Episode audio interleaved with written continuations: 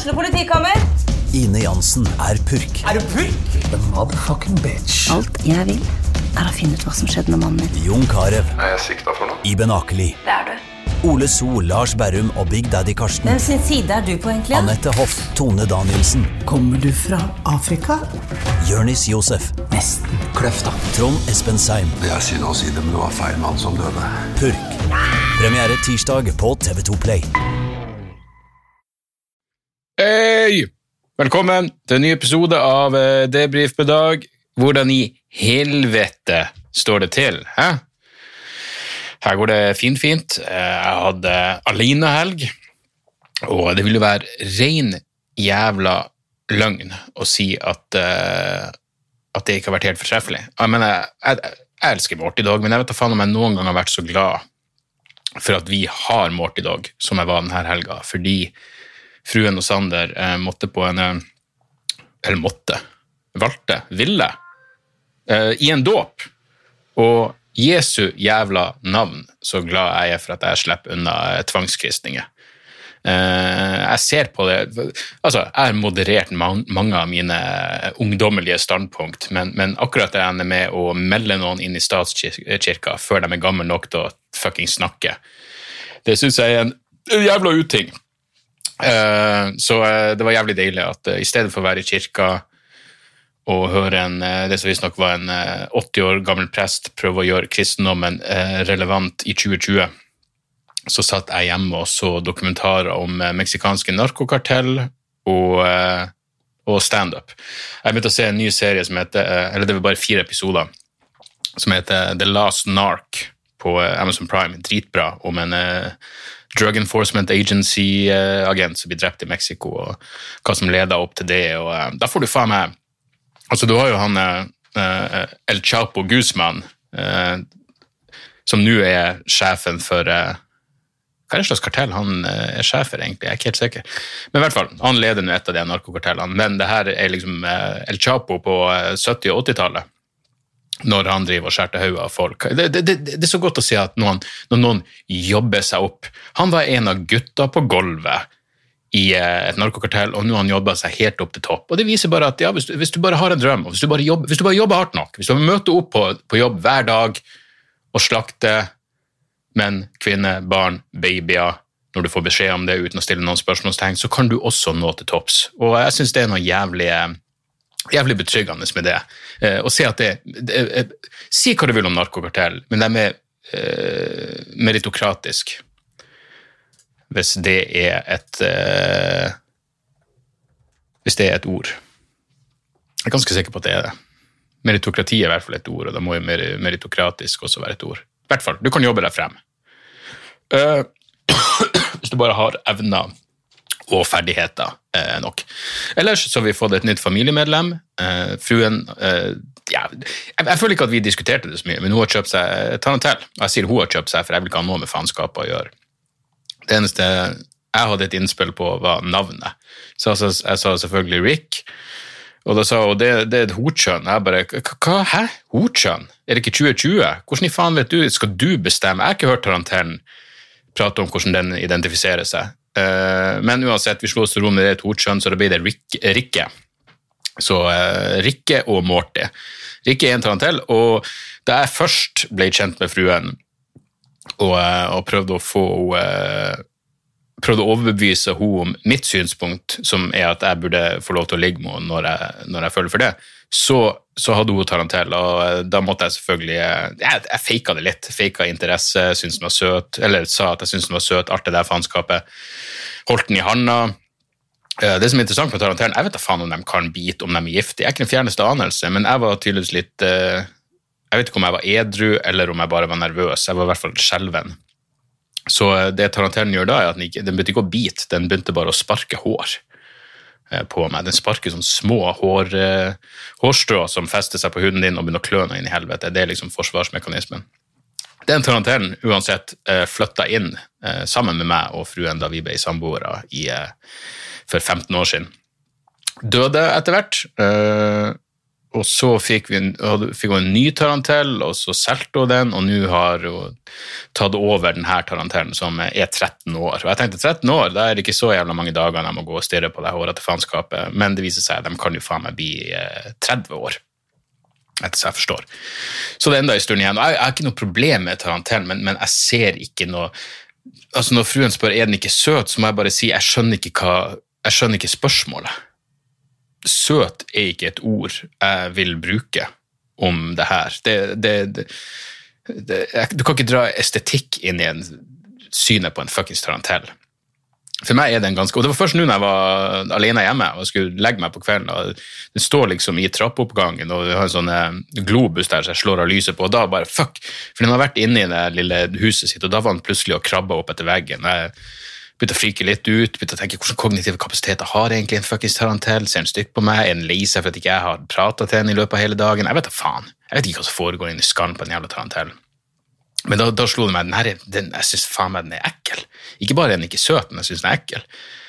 Og jeg har null lyst til å ha den i handa. Og, og, og, Anne Marie spurte kan du kjøpe noe sånn en Sirissa eh, på lørdag, og, men hun klarte ikke å holde seg og begynte å flire før spørsmålet var ferdigstilt, for de spiser jo Sirissa. Uh, noen eksepsjonelt ekle jævla skapninger som du da kjøper på dyrebutikken. Det er litt gøy å se dem spise dem, fordi de uh, Jeg tror de spiste de, uh, de tygger hodet deres, og så suger de ut innmaten. Eller, det er uansett ganske fascinerende å, eh, å se på. Men eh, jeg husker en gang eh, når vi bodde oppe på, Storo med den forrige tarantellen, så jeg vet ikke hvorfor, men vi kasta en Siris ut av vinduet. Og helvete hvor lenge den ble liggende, for de, ligger, de lager jo lyder der den eh, Ja, du vet nå, Siris-lyder, sånn som du, du hører i Syden. Eh, den lå altså så jævla Og naboene må jo ha reagert, fordi det her var jo et eh, tettbebygd strøk, og de bråker jo inn i helvete. og det er jo, Sirisser er oppstår jo ikke naturlig på fucking Storo. Og det tok altså så jævla lang tid før den uh, var borte. Den bevegde seg ekstremt sakte. Sakte, men sikkert forsvant den derimot, og uh, savna den, aldri. Men nei, det kunne aldri falt meg inn å kjøpe en jævla siris. Og begynte å mate det her faenskapet. Det, det eneste som er eklere enn tarantellen, er jo en jævla siris. Så eh, ja, så det der, der vi, vi ligger. Jeg har vært alene hjemme med Morty Dog og sirisen. Uh, og et eller annet som har skjedd med meg på mine på mine eldre dager er at jeg, jeg må nesten Nå må jeg porsjonere ut Altså, jeg, jeg må ha en balansert dokumentardiett. Før så var det sånn at jeg kunne bare se eh, altså, For det første, jeg ser jo det meste med tanke på at det kan bli materiale. På samme måte som 99% av det jeg leser, er jeg har i bakhodet at dette kan bli en vits på et eller annet tidspunkt. Jeg prøver å lære om noe, så jeg kan snakke om det på scenen. Um, men jeg kunne liksom se jeg vet da faen, jeg kunne se deprimerende dokumentar. Jeg kunne, se, jeg kunne gå rett fra en dokumentar om privatisering av eh, drikkevannet i Bolivia, til eh, eh, barnearbeid i Kongo, til Boko Haram som har kidnappa unger, til altså all slags grusomt faenskap. Eh, mens nå, jeg blir deprimert av det. Jeg vet ikke om det er det at jeg driver og ser den Dark-serien fortsatt, som også er så eksepsjonelt deprimerende. Eh, Så jeg må rett og slett ha, jeg må balansere dietten min. Jeg kan ta en deprimerende greie, og så kan ja, ok, jeg kan se denne dokumentaren om Gazastripa, men så måtte jeg bare se en standup-dokumentar. Jeg så den gode gamle klassikeren When Standup Stood Out, som ligger på YouTube, om eh, standup-scener i Boston på 70- og 80-tallet. Fordi det er så mange komikere, alle fra stand-up og Bill Burr og Rogan, de har vel sitt opphav i Boston-området, og prater om hvor, hvor jævla eh, liksom de beste komikerne, de beste standup-komikerne i USA, de som drepte hardest, var i Boston. Eh, men det som er fascinerende med den dokumentaren, er at den, den standup-scenen i Boston, det, var, etter hvert så ble det standup-klubber overalt. Um, og den eneste som jeg, som jeg visste om fra før av, fordi jeg, jeg traff han da jeg var i Oslo, var Barry Crimmins. Men um, det som var fascinerende, var at alle komikerne var så jævlig bra, og ingen av dem hadde ambisjoner om Altså, det var ikke noe, det var ikke noe sånne her industrifolk der. Det var, ingen, det var ingen som gjorde standup fordi de ville komme seg på TV. Um, så så det, det var veldig rent i den forstand. Alle prøvde bare å være den best mulig alle, alle prøvde bare å være best mulig komiker og liksom finne sin egen stil og alt det der. Um, og så skjedde det at uh, uh, Hva faen han heter det? Stephen Wright, han eh, klassiske one-liner-komikeren. Eh, Av en eller annen grunn så havna det noen fra Johnny Carson i publikum på et show. Han ville se de Boston-komikerne, han hadde hørt rykter om at de hadde mye bra komikere. Eh, så, de satte opp en sånn showcase-kveld, og så var Stephen Wright den som da fikk eh, æra av å komme fær på Det var vel det Tonight Show det heter. Gjorde det dritbra. Johnny Carson inviterte han over, så han fikk sett og prate med han etter at han hadde gjort sitt sett, og det var helt unikt. Og det som da skjedde, var at plutselig så forandra hele scenen seg. Plutselig handler det om jeg vil være den neste som får en Tonight Show-spot. Jeg, vil, eh, jeg vil også på TV. Alt det der faenskapet. Og det, da begynte det plutselig å bli sjalusi og backstabbing og alt det der faenskapet. I tillegg til at de hadde jo et, eh, et kokaininntak som var eh, Ja, som var, som var eh, jeg, jeg tipper Escobar. Eh, han, gikk vel generelt med, med pluss i budsjettet sitt, men jeg tror at eh, standup-komikerne i Boston var en, en stor del av, eh, av det overskuddet. Eh, Men det, det var sånn trist å se da hvordan det da ble konkurranse og alt det der. og Jeg, jeg vet ikke, det, det, det bare virka som det var en slags naturlig sånn Når du begynner med standup, så er alt du har lyst til, er jo bare å Mitt mål var hele tida bare å kunne leve av standup og kunne dra mitt eget publikum. Og så får man jo andre ambisjoner etter hvert, og så etter hvert når du blir eldre igjen, så slår du deg til ro med, eh, med det du har, mer eller mindre. Men, men akkurat den brytningsfasen fra når det var en helt, helt eh, ja, ren greie hvor det kun handla om standup, Det plutselig handla om kjendis og TV-stjerne og alt det der. Jævlig interessant å se. Uh, så When, uh, when Stand-Up Stood Out er absolutt et uh, ja, er verdt å se hvis du er interessert i, i humorhistorie. Jeg så også en sånn, som også lå på YouTube, en, en dokumentar om The Comedy Story i LA og Mitzy Shore. Og, og hele den historien der, som også var fascinerende. Så det, det, ja, jeg, jeg hadde det innimellom alle de rene de ene bekmørke, bekmørke dokumentarene. Og det Ja, det funka. Fruen fortalte meg at hun hadde vært på butikken i går, og så det det er bare sånn det kjipeste som kan skje i ei butikkø. Det hadde vært en gammel gubbe bak, og hun vet ikke om han var senil eller hva faen enn han var, men han hadde lent seg frem og kommet opp i trynet på henne og begynte å si vet du hvordan du blir smitta, vet du hvordan du får korona, det er om å dra til utlandet. Ja, det er også med å stikke det gamle covid-trynet ditt rett opp i ansiktet på et fremmed menneske. Eh, hun ble så jævlig ukomfortabel at hun visste ikke hva hun skulle gjøre, og hvilke flate køer, men hun kunne ikke snakke tilbake til ham, for da blir det enda verre, da får han jo faen meg blod på covid-tallene, og da er du i hvert fall i gang. Eh, ja, faen meg Noen av de ansatte burde brutt inn og stoppa han. Og så er det selvfølgelig en drepende ironi i at du går rett opp i trynet på noen uten munnbind og fortelle dem hvordan man kan bli smitta av fuckings korona. Jeg tok T-banen i går, jeg så ingen som hadde munnbind på seg, men det var jo en meters avstand imellom, så alt var vel, eh, alt var vel under kontroll der. Vi har kjøpt inn noen flere masker nå. Jeg går for bomullsmaske, altså vaske, maske som kan, eh, som kan mas, eh, vaskes, fordi jeg, er miljøvennlig og minner meg litt om eh, Og da var jeg irritert på, på Anne Marie, men hun insisterte på at eh, når Sander var, var baby, så skulle vi ha tøybleier av miljøårsaker. Så, så, så det her er det jeg mener. Jeg, jeg, jeg, kan, jeg kan gjøre så mye narr av Greta Thunberg og Extinction Rebellion alt det som jeg bare vil. Fordi vi brukte fuckings tøybleier, jeg har bare én unge, jeg har ikke bil.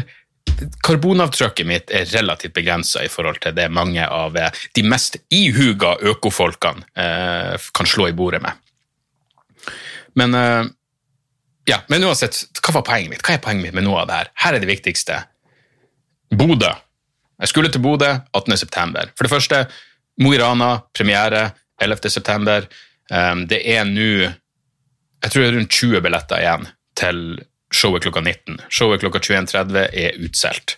Så uh, får jeg være gir hvis du har lyst til å få med deg premierer. Mo i Rana, Meiergården, 11. september. 18. september, fredagen etter premierehelga, så skulle jeg ha show på Stormen i Bodø. Eh, Det er nå avlyst, fordi det lot seg ikke gjøre pga. covid-restriksjonene og deres måte å telle hvor mange de kunne ta inn eh, på scenen og alt det der. Så vi var rett og slett nødt til å avlyse showet. Men fuckings elsker Bodø, det er klart jeg har lyst til å gjøre showet der. Så vi spurte min gode venn Kevin Kildahl eh, om vi kunne gjøre det på Skubare i stedet. Det kunne vi, og det kan vi, og det skal vi. Så nå ligger billettene ute. Hvis dere går på dagsoras.com slash hvor, så ligger alle mine upcoming shows, annet link til billettene til showet i Bodø. Skubare 18.9. klokka 19. Får ræva i gir. Det er et høyst antall begrensa billetter. Men jeg har stått på den scenen før. Det er, sånn, det, det, det er sånn jeg elsker det. Du går ned i en kjeller, det er lavt under taket. Eh, selvfølgelig skal alt av fuckings eh, vi, vi skal sikre at alt av smittevernhensyn er ivaretatt og alt det der, men, eh, men jeg gleder meg som faen til det, og jeg er glad vi fant en løsning der. Så vidt jeg vet, så går alt eh, mer eller mindre som planlagt i Tromsø 19.9. også. De må bare dele opp alle de billettene som er solgt på to show. Eh, Ikke, ikke spør meg, det er utenfor min paygrade, men jeg, jeg roper ut når jeg vet. Og lenger enn det har jeg ikke tenkt. Men sånn som det står seg nå, som jeg sa forrige uke, så, eh, så gjør jeg turneen som planlagt. Eh, Jeg skal sikre at alt, av, eh, at alt er forskriftsmessig fra min side. Og hvis dere gjør det samme, så tror jeg at det her skal ja, så tror jeg at det her skal gå, gå helt jævla fint. Det var faen meg Jeg så at det var 54,5 grad registrert i Death Valley i California i går. Death Valley der gode, gamle Charles Manson eh, samla kohorten sin eh, i sin tid. Men jeg bare tenkte da 54,5 grad, for når det kommer til den eh, ansiktsmasken, munnbindene, så hvis man skal ha bomullsbind, de må kunne vaskes på minst 60 grader. Det er tydeligvis det som skal til for å drepe viruset. Det er 54,5 grad i Death Valley. Da må det jo være null jævla koronasmitte der. Kan det hende at, eh, at global oppvarming og hetebølger vil gjøre det så jævla varmt på jorda at eh, koronaviruset ikke kan overleve? Det er, lov å, det er faen meg lov å håpe. Jeg så også at det var ildtornadoer i California. Det er noe av det skumleste faenskapet jeg har sett. Slå opp ildtornadoer. Det er en tornado med flamme. Hvis ikke det er fuckings apokalyptisk, hvem i helvete vet? Så, eh, så sånn er det, og det kommer gode ting ut av covid. Så dere at eh, Australia nå forbyr blokkfløyte på skoler av smittevernhensyn. Altså, Blokkfløyte var jo det mest sataniske faenskapet. Jeg lurer på hvor mange fantastiske musikere av alle jævla sjangre som som har funnet seg noe annet å gjøre, fordi blokkfløyte var deres første jævla møte med et musikalsk instrument. For, et, for en satanisk ulyd det kom Av alle jævla ting! Hva med fuckings ukulele? Det ville vært et steg opp fra, fra blokkfløyta. Å, der kommer faen meg postbudet. Jeg venter i spenning på noen jævla pakker, men satan hvor lang tid det tar. Uh, Nei, hun, hun kjørte forbi. Kjørte forbi. Jeg er dypt skuffa. Jeg venter på packing cubes, jeg venter på hodetelefoner. Det er faen ikke grenser. Jeg har noe, noe, en pakke fra USA med noen klær som ankom 22. juli 2020. Ankom pakken Norge. Venter fortsatt i spenning. Hva er det i dag? 18. august. Ja, ja, ja. Posten sine veier er faen meg uransakelig. Uh, og jeg vet ikke hvor mye av det her de kan, de kan skjule bak, bak covid-krisa. Så forresten at Billie Eilish skal uh, opptre på uh, hva du kaller det, Democratic National Convention. som denne gangen så skal jo ikke jo, Alt skal foregå via Zoom. Det er en digital, digital samling. men det var noen som påpekte på Reason-podkasten at Billie Eilish burde faen meg, hun burde fronte Hvis hun skal plutselig være så politisk at hun spiller der, så burde hun fronte det faktum at hun er hjemmeskola.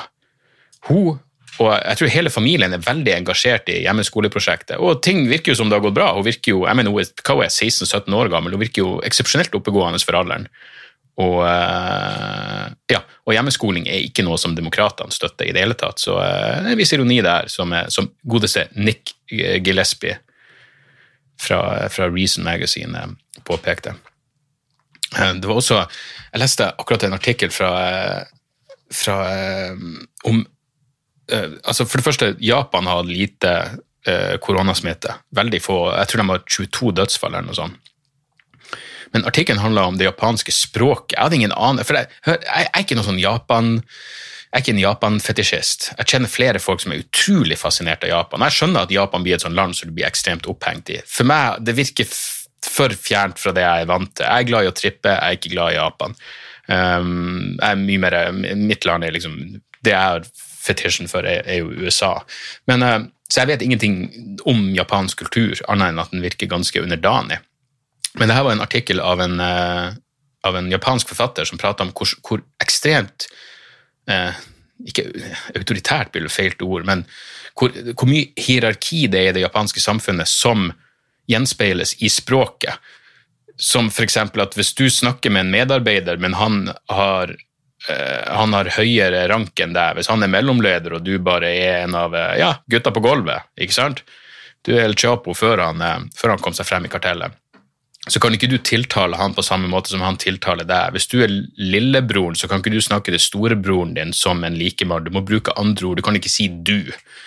Og det, han er forfatteren han hadde skrevet en, en roman om en, eh, en japansk 20-åring som er mentalt tilbakestående, og en av de tingene hans eh, retardering fører til, er at han, han kan ikke det er fuckings eh, Han kan ikke skille eh, hierarkiet i språket, så han tiltaler bare alle som du.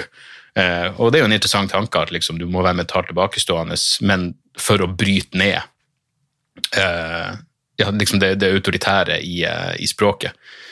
Um, men så mente han også, selvfølgelig, som alle sånne artikler som er, begynner ekstremt interessant, så får du også en så sykt søk avslutning, hvor det liksom var at eh, Japan har klart seg bra av eh, av eh, at de, allerede, de har en kultur som de er vant til å bruke munnbind, det er lite kyssing og klemming i utgangspunktet, men så kommer selvfølgelig avslutninga, singen på slutten, og kanskje deres høyt uh, hierarkidrevne språk også eh, gjør seg i en pandemi. Og det er sånn, ok, greit. Du kunne spart deg for den på slutten.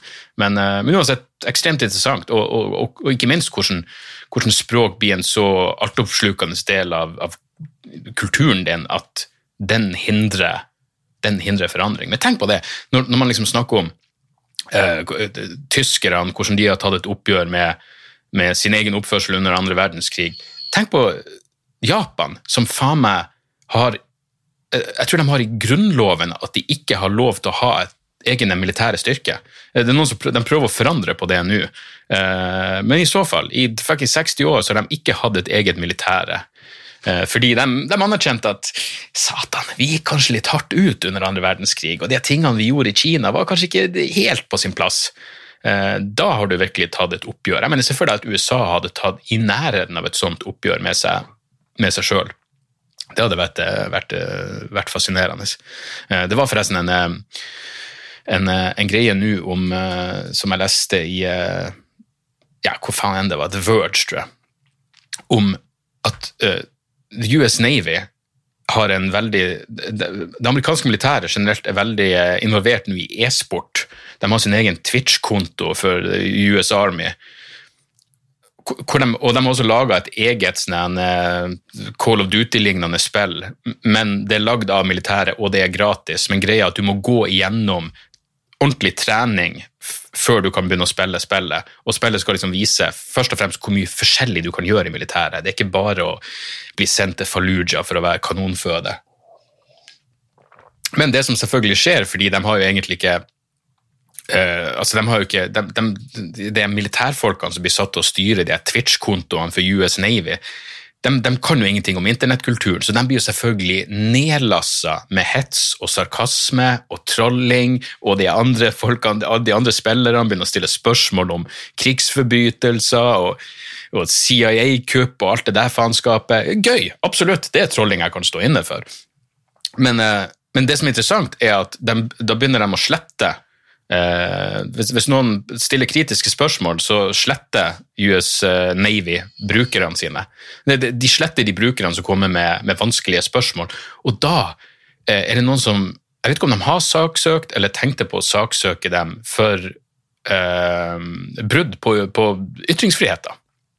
Fordi militæret er jo selvfølgelig en offentlig institusjon, og da har du da må du ha lov til å stille kritiske spørsmål. Du kan ikke bare blokkere dem. Det, jeg tror det samme har skjedd med Trump. At noen vurderer å Eller noen har saksøkt Trump for at han blokkerer folk på Twitter.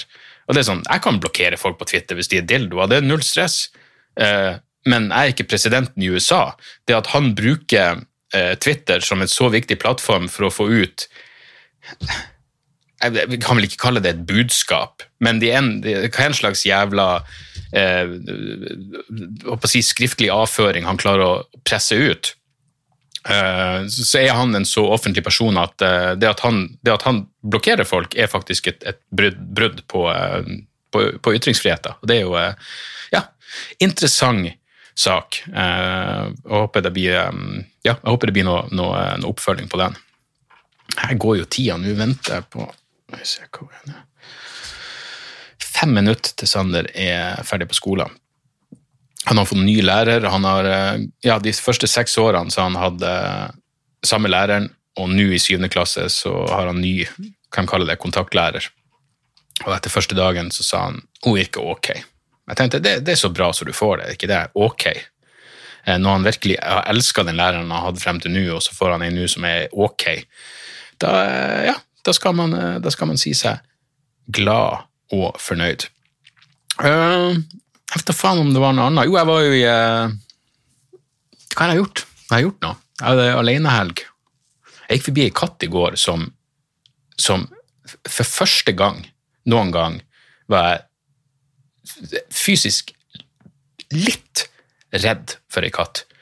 For den var altså så jævlig svær. Jeg hadde ikke målt den med, jeg bare gikk alene, jeg var på vei til butikken.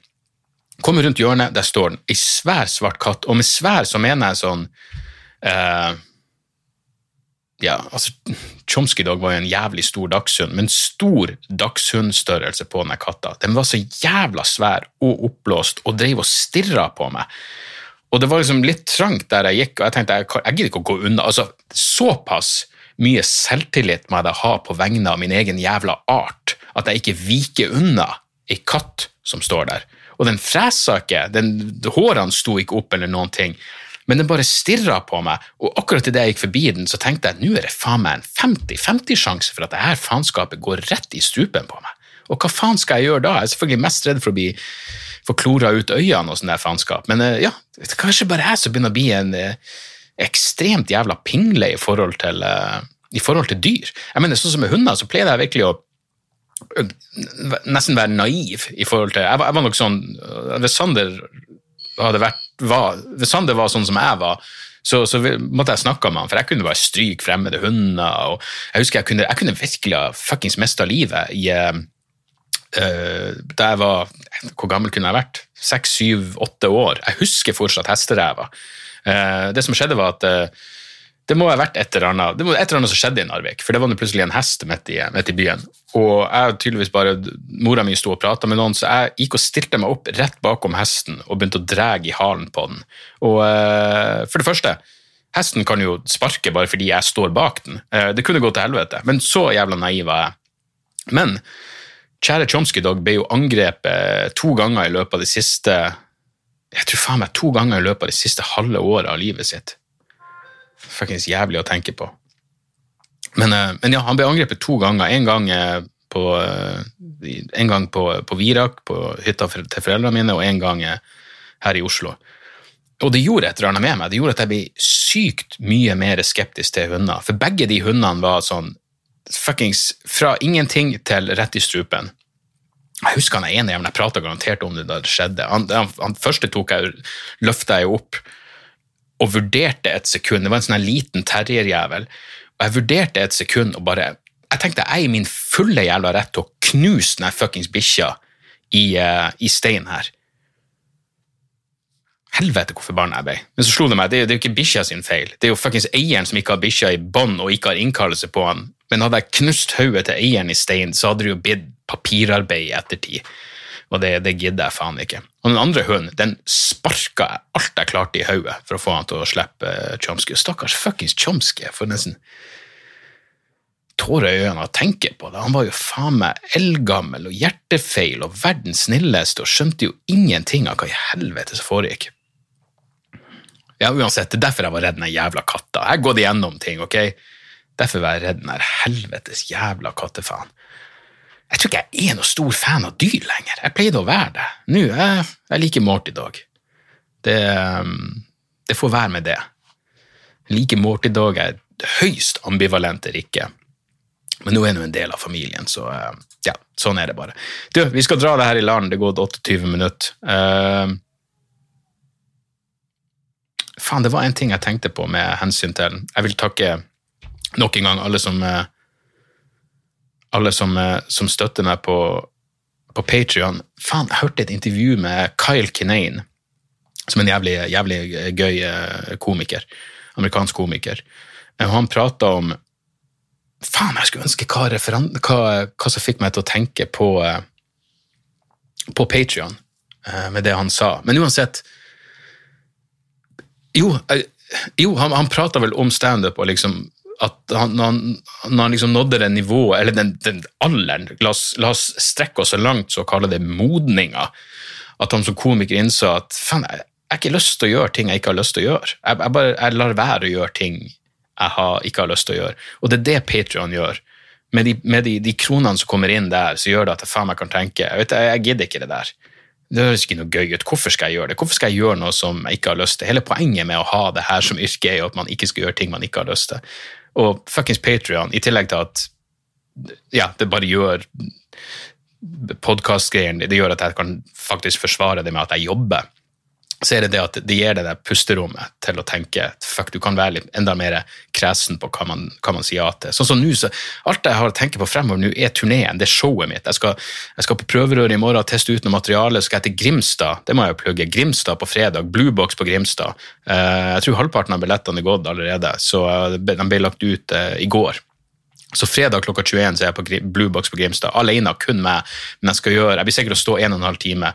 Jeg skal bare fuckings, det det blir første gangen siden pandemien at jeg gjør et fullt sett. Så jeg er nødt til å jeg er nødt til å finne ut hva som passer sammen, jeg er nødt til å finne ut hva det materialet jeg jobba frem før pandemien, som fortsatt er relevant, hva jeg må forandre, alt det der. Eh, Så, eh, så jeg håper å se noen av dere i, eh, i Grimstad. Men poenget mitt er bare jeg gleder meg som faen. Det er det jeg skal gjøre denne uka. Jeg skal jobbe med showet mitt, jeg skal gjøre podkaster. Jeg skal gjøre podkasten jeg snart er ferdig med nå. Jeg skal gjøre en sånn Ask Me Anything-greie for Patrion i løpet av denne uka.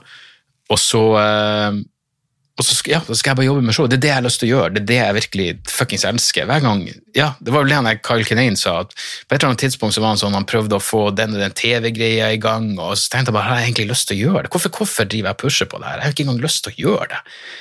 Så eh, ja, det er vel en av fordelene med å bli en gammel faen, at man får litt mer perspektiv på Jeg har i hvert fall fått veldig mye mer perspektiv på hvordan jeg velger å bruke tida mi. Eh, tida går så jævla fort, og den er fuckings begrensa. Så, um, så ja. Sånn er det. Uh, ja, eh, vi, vi tar et par uh, Ja, egentlig bare to tips. For det første, det her er jo ikke jeg vet ikke. Det er et eller annet med når ting er så åpenbart bra og så populært, som gjør at jeg bare overser det. Jeg jeg bruker som eksempel at, at eh, fuckings den første Kvelertak-skiva hadde vel vært ute i et, sikkert et år før jeg hørte på den. Um, og straks jeg hørte den, så var jeg sånn hva, her, Hvor i faen var jeg? Det her er jo fuckings genialt. Men det var et eller annet med, jeg syns de fikk så mye hype, alle prata om hvor bra det var, at en del av hjernen min er sånn ok, men da forholder ikke jeg meg til det. Så kan jeg ha det med nyhetssaker òg, det blir jo på en annen måte, men det er liksom enkelte nyhetsting som jeg bare Jeg kan ikke si én ting om Y-blokka, jeg vet da faen hva det er engang. Jeg, jeg leser aviser, jeg leser flere aviser hver dag, men det kommer til Y-blokka, så jeg, jeg, jeg, jeg gidder ikke å Jeg vet ikke, det, det, det fanger bare ikke min interesse.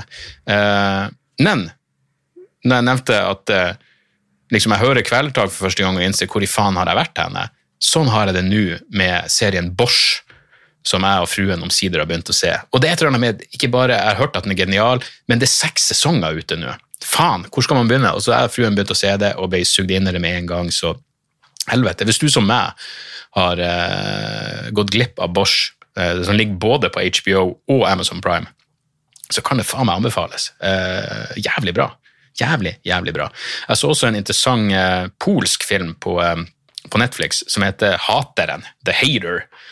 Som eh, Ja, den går egentlig Den er jo veldig dagsaktuell i forstand av at det handler om Det er bare en sosiopat som, som, som, som driver med ja, det er liksom en sosiopat på privaten og i sin eh, profesjonelle kapasitet som en eh, digi digital manipulator av alt fra PR-kampanjer til valg osv., og, så videre, og så baller ting på seg, eskalerer. Men det, var en interessant film, og, og absolutt verdt å sjekke ut. Og så har jeg et lite musikktips også, og det her er for de av dere som liker litt sånn eh, ja, hva faen skal man kalle det for noe? Got, gotisk eh, rock altså, eh, En av mine favorittskiver i fjor var jo eh, eh, Mana av eh, Idle Hands. Jeg syns det var ei, ei, ei, ei fantastisk plate. Um, og så så jeg en anmeldelse av den nye skiva til, eller det er vel debutskiva til Rope. Rope Sect. Skiva heter The Great Flood. Uh, og lik, lik, Liker du Idle Hands, så vil du like det her. I tillegg så er jo uh, vokalisten fra Hex Vessel og uh, Grave Pleasures, Beast Milk, han er med på et par låter. Det er i den sjangeren. Liker du Liker du Grey Pleasures, liker du Idle Hands, liker du litt sånn gotisk rock med catchy refreng? Det er veldig lett å komme inn i, men allikevel, jo flere ganger du hører det, jo mer og mer kommer du inn i det. Det er et eller annet som gjør det til sommermusikk også i mine ører, av en eller annen fuckings merkelig grunn. Men Rope Sect med The Great Flood kan også anbefales eh, på det varmeste. Det var det jeg hadde i dag. Eh, Patron.com slash dagsoras, debrifpodkast at gmail.com for, eh, for e-mailer, dagsoras.com for all annen jævla informasjon. Jeg skal ut på turné, premiere 11.9., alt det der faenskapet. Eh, vi høres igjen snart. Elsker dere. Tjo og hei! Moderne media.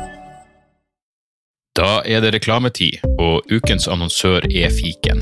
Hør her, jeg, jeg, jeg avskyr ordet regnskap. Ordet regnskap eh, gir meg assosiasjoner som er uhyggelige. Det får meg til å tenke på andre uhyggelige ord som ettersyn og underlivsundersøkelse. Men regnskap er et nødvendig onde, og fiken er et så enkelt regnskapsprogram at selv jeg kan klare å ha kontroll på finansene hvis jeg bruker det. Eh, du kan registrere kjøpene dine bare med å ta et bilde av kvitteringa med appen, og så kan du bare hive, hive kvitteringen. Hvor nydelig kan det bli? Og Fiken forholder seg også til regnskap med overkommelige ord. Det er ikke masse overkomplisert økonomisk terminologi. De kaller det kjøp og salg i stedet for hva enn de kaller det på BI. Og du kan, eh, du kan få fiken til å sende purringen dine, sånn at du slipper å gjøre det sjøl. Slipper du de der flaue øyeblikkene hvor du må skrive 'unnskyld meg, men det står noe utestående her, kan du fikse det fortest mulig', eller må jeg sende, må mafiaen etter deg? Nei, fiken fikser det så kan du skylde på algoritmene. Du slipper dårlig stemning. Jeg syns det er utrolig greit å slippe å styre med sånne ting sjøl, og nå kan du prøve fiken gratis i 30 dager. Hva, hva har du å tape? Bokstavelig talt ingen verdens ting. Så gå inn på fiken.no og prøv fiken gratis i 30 dager. Ok? Det var det så vanskelig.